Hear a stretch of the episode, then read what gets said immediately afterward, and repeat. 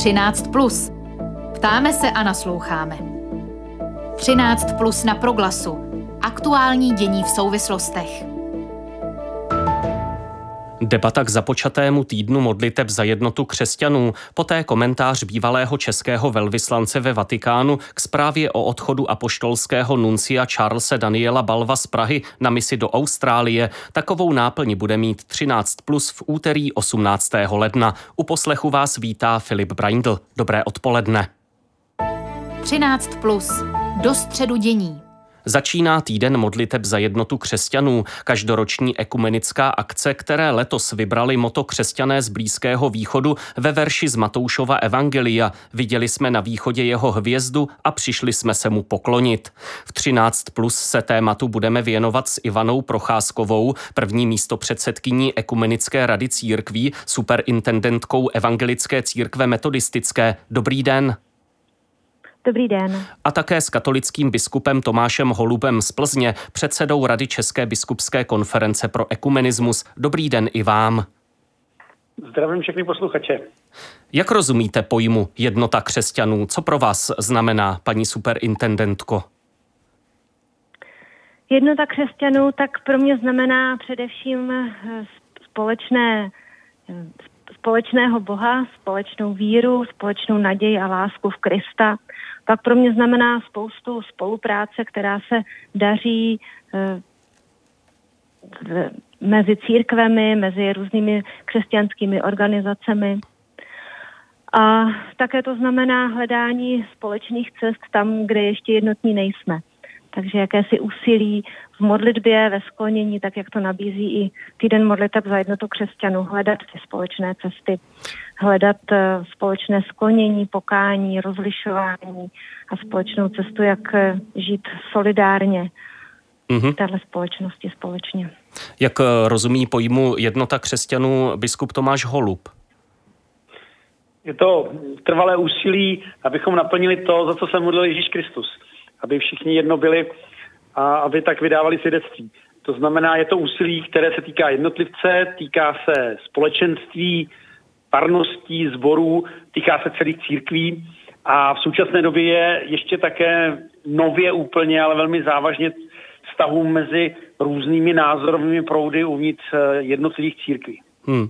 Eh, vy jste v plzeňské diecézi vyhlásili jako moto pro letošní rok eh, úryvek eh, z vlastně stejné pasáže Evangelia o příchodu mudrců k narozenému Ježíšovi, konkrétně slova a dali se na cestu. Jaké místo v tomto putování, konkrétně plzeňské diecéze, mají křesťané z dalších církví? Je to něco, co tady díky mému předchůdci, biskupu Františkovi Radkovskému, patří k základním pilířům naší identity. My jsme ve velmi misijní oblasti, eh, která je minoritní, co se týká přítomnosti křesťanů, a tak se snažíme, aby křesťané ve všem, co je možné, vystupovali společně a tak dávali svědectví, že Kristus je ten, který sjednocuje, ne který rozděluje. Hmm. Eh, paní superintendentko, jaké jsou podle vás eh, hlavní překážky, eh, pokud tedy pojmenováváme tu jednotu křesťanů jako určitou společnou cestu, společné úsilí, jakýsi proces, jaké na jaké překážky naráží třeba v našem českém prostředí? Jsou to například nějaké dozvuky určitých minulých křivt a procesů? Tak nějaké dozvuky nás, myslím, stále ještě provázejí, jakási historická zátěž, ale řekla bych, že je odlehčována s přibývajícím časem a že za těmi dozvuky mnohem možná víc stojí motivy, které vůbec k nějakým těm historickým eh, událostem vedly a které by případně se mohly týkat i nás samotných. Takže nějakým způsobem jako bojovat spíš s těmi motivy, které k těm zátěžím vedly, s nějakým pocitem strachu, ohrožení, s touhou pomoci nebo hmm. uh, jinými takovými spodními proudy, které uh, jsou pořád stejný. Eh, nechám na, to, nechám na to reagovat i pana biskupa, ale ještě předtím uh, vás, paní místo předsedkyně, uh, poprosím o reakci. My jsme se vlastně před hodinou na proglasu modlili a v týdnu modliteb za jednotu křesťanů zařazujeme do té polední modlitby modlitbu na úmysl jednoty křesťanů, kde se zmiňuje mm, nedůvěra, vzájemné nepřátelství a také lhostejnost lhostejnost jako určité momenty, za hmm. které je dobré se modlit v tom procesu. Jak vnímáte tu lhostejnost? Jak důležité je, je překonávat ji, nebo jak vlastně udělat to, aby křesťané nebyli lhostejní k tomu směřování k jednotě? Tak to není lehká otázka, jak to udělat. Eh, myslím si, že to je těžký úkol i pro Boha s námi eh, takhle pracovat. Ale věřím, že právě ta společná modlitba, kdy se Bohu otevíráme, kdy se otvíráme Duchu Svatému, tak to je ten prostor, kdy, kde ta lhostejnost eh, je překonávána. Hmm. Pane biskupe, váš pohled eh, na ty překážky eh, v, tom, v té společné cestě eh, křesťanů k jednotě, ať už spočívají v minulosti, nebo třeba v tom, že někteří lidé mohou jednotu křesťanů vnímat zkrátka tak, že se ti druzí musí přidat k nám, protože to naše pojetí je správné. Jak se na to díváte? Já jsem přesvědčen, že bohu díky těch reminiscencí z minulosti opravdu výrazně ubývá, tak jak říkala sestra Ivana, ale že mnohem víc teď je problém možná neznalost, protože církve a tady bohužel hrál velkou roli ten proces, který na jedné straně byl velmi důležitý a já jsem za něj nesl zodpovědnost, eh, proces eh, restitucí, ano. Eh, ve kterém se najednou obrovské množství sil v církvi upnulo na jakési ekonomické a hospodářské zajištění a jako by se ty cykle ponořily dovnitř a taková energie a ochota se eh, věnovat tomu, co je společné, najednou jakoby chyběla. To já vidím jako velký problém a s tím potom spojená neznalost. Bohužel musím říci, teď mluvím o katolické církvi, že znalost toho, kam jsme se třeba ve vztahu k jednotlivým církvím dostali v nauce, to znamená v tom, co katolická církev dneska hlásá, tak je velmi malá. A zůstávají možná takové vnější formy eh, představ, které mm, právě neodrážejí tu odvahu vykročit eh, vůči druhým a hledat to, co nás spojuje, naslouchat si a dávat důraz na to podstatné. Eh, vy jste, Myslím, ano. že takový křesťanský kolorit, a teďka už bych neřekl katolický, ale kolorit, který si významně zakládá na stylu kterým se modlíme, kterým organizujeme schromáždění či bohoslužby, eh, který nějak spíše emoční nežli vyznavačský, že to je jedna z největších eh, překážek, protože zkrátka oni to dělají jinak. Hmm. Vy jste v té úvodní odpovědi také naznačil, že za určitou výzvu pokládáte nejen jednotu mezi křesťany různých vyznání, ale i mezi nositeli různých názorových proudů uvnitř té dané církve. Jak velká je to tedy teď aktuálně výzva? Jak, jak to cítíte zase uvnitř katolické církve, uvnitř třeba své diecéze? My jsme se o tom, eh, myslím, že docela bavili na novoroční bohoslužbě ekumenické eh, se sestrou Procházkou. Eh, dneska bych řekl, že ty příkopy, které vznikly uvnitř jednotlivých církví, a vůbec bych tím nemyslel jenom katolickou církev, co se týká názorů například na vakcinace nebo na to, jak se mají řešit současné světové problémy, tak jsou nesrovnatelně složitější než to, jak se dnes lidsky setkáváme třeba s bratřími a sestrami z jiných církví. To znamená, je to velký problém a je to hledání způsobu, jak jít spolu, zdůrazňovat to, co je podstatné, naslouchat si, eh, mít rád lidi, kteří v něčem mají jiné názory a učíme se to a zjišťujeme, že nám to moc nejde. A myslím si, že tahle ta vnitrocírkevní zkušenost je takovým přiznáním, kolik toho ještě musíme udělat i na těch setkáních a vzájemné přísnosti v těch eh, mezi eh, křesťanskými církvemi existujících problémech. Hmm. Je tohle i zkušenost eh, evangelické církve metodistické, kterou v této debatě zastupuje Ivana Procházková? Určitě. Bratr biskup zmiňoval, že tou překážkou může být mezi jednotou křesťanů, může být právě jakési ponoření do vlastních problémů. To je i naše zkušenost samozřejmě, to pokušení utápět se v nějakých partikulárních problémech, je, to se myslím týká každé církve, možná i každé společnosti, společenství, možná i rodin, jednotlivců. Myslím si, že i v tomto směru eh, právě ten impuls, který přichází od těch libanonských křesťanů, jako je velmi výrazný a, a velmi pro nás poučný, protože tam právě ty partikulární zájmy eh, jak o tom svědčí vlastně ty modlitby, které potom jsou nabídnuty na ten týden, tak právě ty partikulární zájmy jak kdyby znemožňovaly nebo ochromily eh, tu společnost, aby nacházela řešení pro aktuální problémy společenské, politické, Eh, pro zničenou infrastrukturu hmm. Libanonu. Zatím jsme hovořili spíše o těch výzvách či překážkách, komplikacích v tom procesu. V té pozitivnější rovině eh, ono, tak jak jste nastínili, eh, že jde o určitý vnitřní proces, eh, lze asi těžko měřit nějaké konkrétní úspěchy, ale zeptám se, zda jsou nějaké skutečnosti, které vnímáte jako takové, že z nich lze odvozovat určitý optimismus, třeba vůči tomu našemu českému prostředí. Co lze považovat za signál, že to jde správným směrem, pane biskupe? Já myslím, že jedna z takových věcí, která se opakuje při diskuzi o ekumenismu, ale myslím, že velmi správně a proto ji také chci zmínit, eh, jsou eh, naše společné kroky v kategoriální pastoraci. To znamená eh, ve vězeňství, v nemocnicích, v armádě. Zkrátka ty místa, místa, kam jdeme sloužit potřebným lidem nebo lidem, kteří jsou v mimořádných situacích.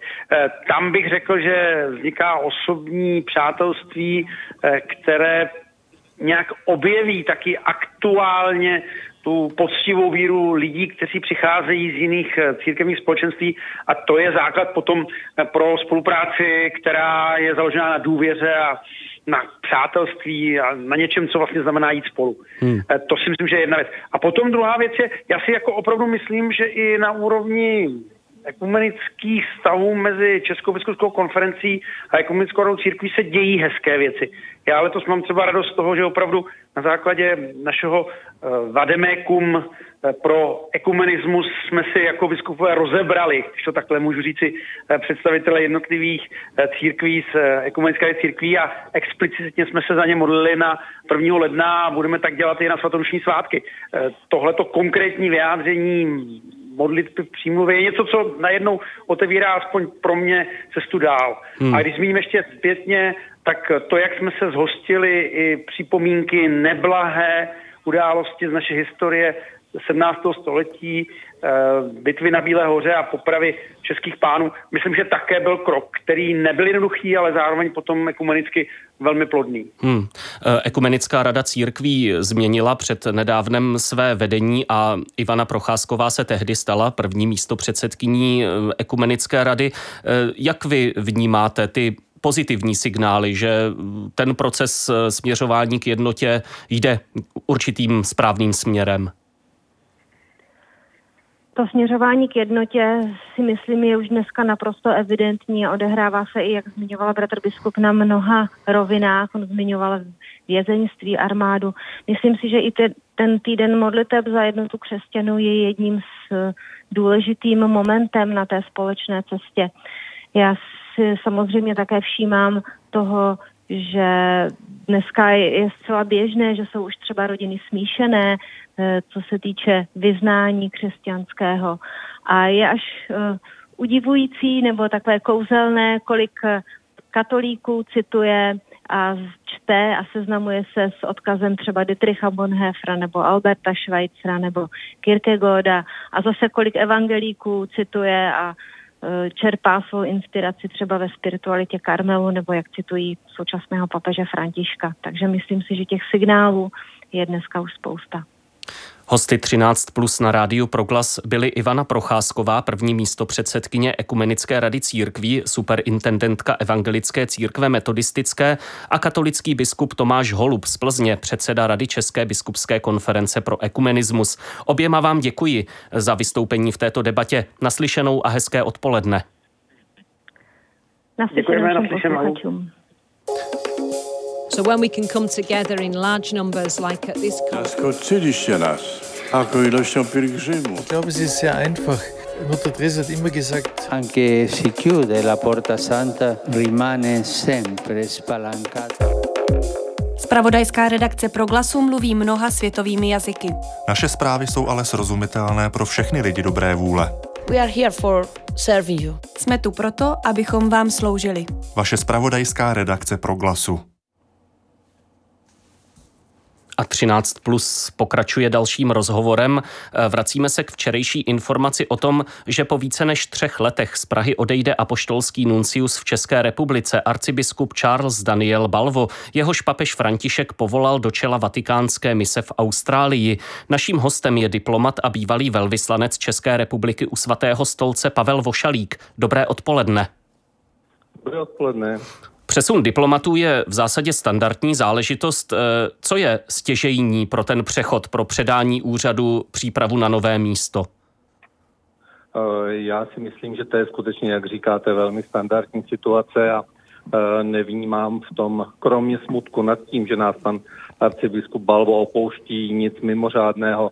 Pan arcibiskup předá svůj úřad svému zástupci, který jej povede v, ve funkci charge d'affaires interim do příjezdu nového, nového papežského nuncia. E, ta procedura je také, řekl bych, standardní. Svatý stolec nám oznámí, koho má v úmyslu jmenovat novým šéfem své diplomatické mise v Praze. Bude, proběhne, co si čemu se říká, udělování agrema, tedy souhlas přijímajícího státu a po udělení tohoto souhlasu už nic nebude bránit tomu, aby nový nuncius, nástupce pana biskupa Balvo, do Prahy přijel. Hmm. Co možná nevypadá úplně standardně, e, je ta doba, po kterou e, Charles Daniel Balvo byl nunciem něco přes tři roky. Jak dlouhý či krátký je to čas z hlediska velvyslance a jeho úkolů, zde tedy konkrétně nuncia?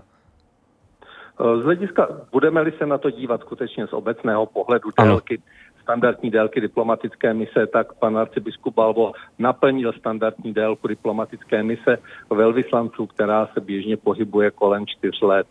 A v historii, poměrně krátké historii novodobých vztahů mezi Českou republikou a svatým stolcem eh, bych připomněl i eh, jeho, jednoho z jeho předchůdců, pana arcibiskupa Endera, který zde pobyl ještě kratší dobu, nežli byl povolán jako šéf eh, vatikánské diplomatické mise v Německu.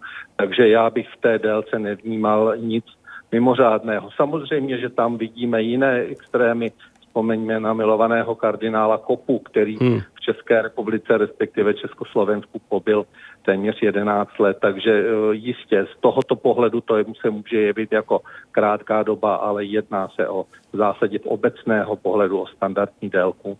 Hmm. Eh, Charles Daniel Balvo vlastně při nástupu do Prahy jako jednu z, ze svých priorit zmiňoval přípravu změny eh, v čele některých diecézí, zejména tedy pražské arcidiecéze a my jsme teď v situaci, že vlastně nevíme, eh, jak to dopadlo. Jsou určité spekulace, že ten proces už byl dokončen.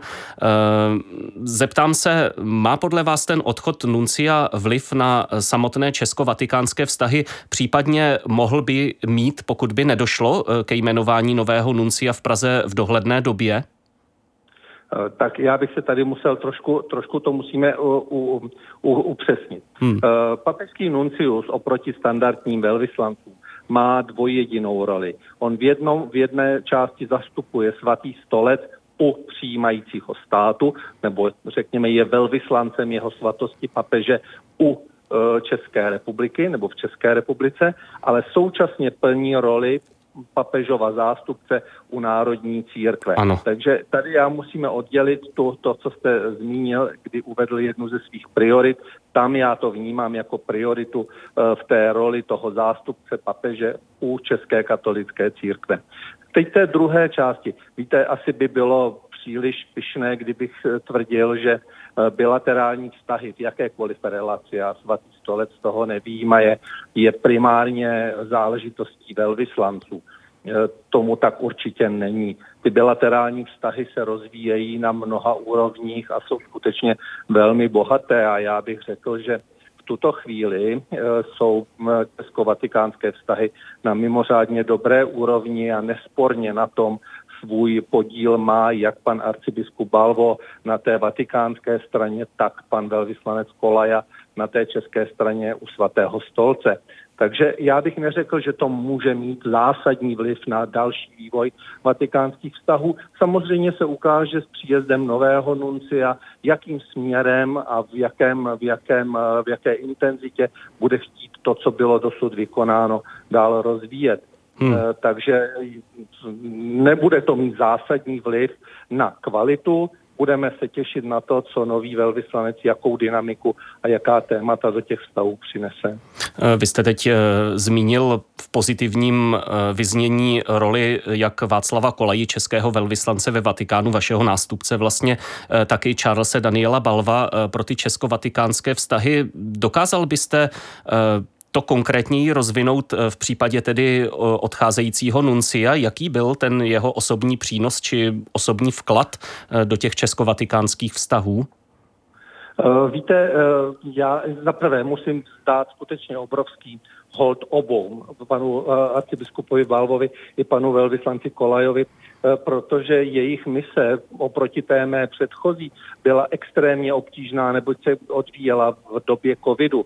To znamená, kdy těch prostředků a možností, jakým způsobem vstupovat do toho veřejného prostoru a jak jej dále kultivovat a rozvíjet je minimálně. Já si myslím, že funkce velvyslance v rámci bilaterálních vztahů nemá být příliš spektakulární, nemá být příliš jaksi tím, kdo je viděn v těch vztazích. Jeho role by měla být tak trochu jako funkcí sole, aby se v tom prostoru rozpustil a dával mu, dával mu chuť. Uh, oba dva pánové vykonávají obrovskou, obrovskou práci v tom, aby se jim, a daří se jim to, uh, budovat vzájemné vztahy, jak už jsem řekl, na mnoha úrovních. Uh, v okamžiku, kdyby vztahy byly redukovány pardon, pouze na, na aktivity velvyslance, hmm. tak bychom obtížně mohli mluvit o úspěšných bilaterálních vztazích. A musím znovu vzdát hold obou pánům, že v tomhle obtížném prostředí v této obtížné době vykonávají obrovskou, obrovskou práci. Ehm, mimochodem, jakou pověst má Praha ve Vatikánu jako diplomatický post, alespoň tak, jak jste to mohl zaznamenat v době svého působení? Já doufám, že velmi dobrou, aspoň tedy chci tomu věřit a musím říct, že eh, mnohdy si myslím, že my sami sebe vidíme kritičtěji, nežli jsme viděni zvenku.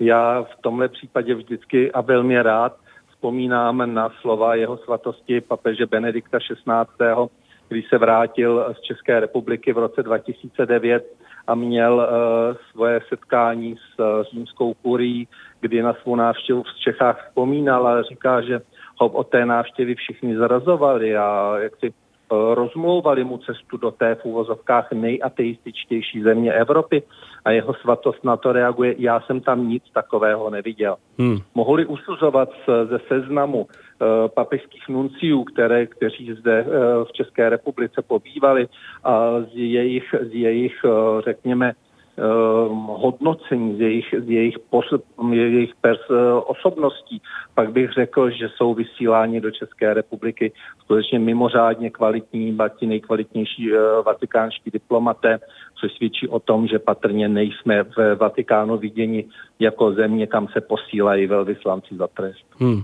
Poslední otázka, kterou se trochu vrátím na úvod rozhovoru, kdy zaznělo, že je standardní, že diplomaté zkrátka mění země svého působení. Co to znamená pro tu osobní rovinu velvyslance? Do jaké míry může či má mít tu cílovou zemi v tu chvíli, tak říkajíc, za svou, když zároveň ví, že je to opravdu dočasná věc, nebo když to vyjádřím obrazně, jak silně se může velvyslanec do svého působiště zamilovat? Eh, já eh, jednak eh, pan arcibiskup Balvo se do České republiky vrátil. On zde už v minulosti působil, byl zde po druhé. Víte, tady bych měl přeci jenom určitý rozdíl mezi, mezi velvyslanci, řekněme, standardních států a velvyslanci svatého stolce. Pokud v našich podmínkách můžete vyjádřit nějakou preferenci, jakkoliv není závazná, myslím, že u svatého stolce toto zvykem není. Prostě nuncius odjíždí tam, kam ho svatý otec pošle. Samozřejmě, že je obtížné zachovat si naprostý jako řekněme, osobní odstup od země, kde působíte. Eh, vzpomínal jsem pana kardinála Kopu a pan kardinál Kopa po svém působení v Čechách v zásadě o sobě následně prohlašoval, že je také českým kardinálem. A vzpomínám si, že když eh, jsem se zúčastnil pohřbu jeho eminence, tak vatikánský, vatikánský ministr zahraničních věcí Monsignor Gallagher ke mně přistoupil a kondoloval hmm. mi. Eh, je to, je to věc samozřejmě eh, velmi citlivá a jakkoliv každá změna toho postu je standardní a je to součástí života každého diplomata, jistě, že v každé té zemi, kde jste sloužil, necháváte kus svého srdce. Hostem 13 plus na rádiu Proglas byl Pavel Vošalík v letech 2008 až 18 český velvyslanec u svatého stolce, předtím také v Kanadě a Jihoafrické republice. Děkuji za vaše odpovědi, hezké odpoledne a někdy v našem vysílání opět naslyšenou. Děkuji za pozvání a budu se těšit. Naschledanou. Naschledanou.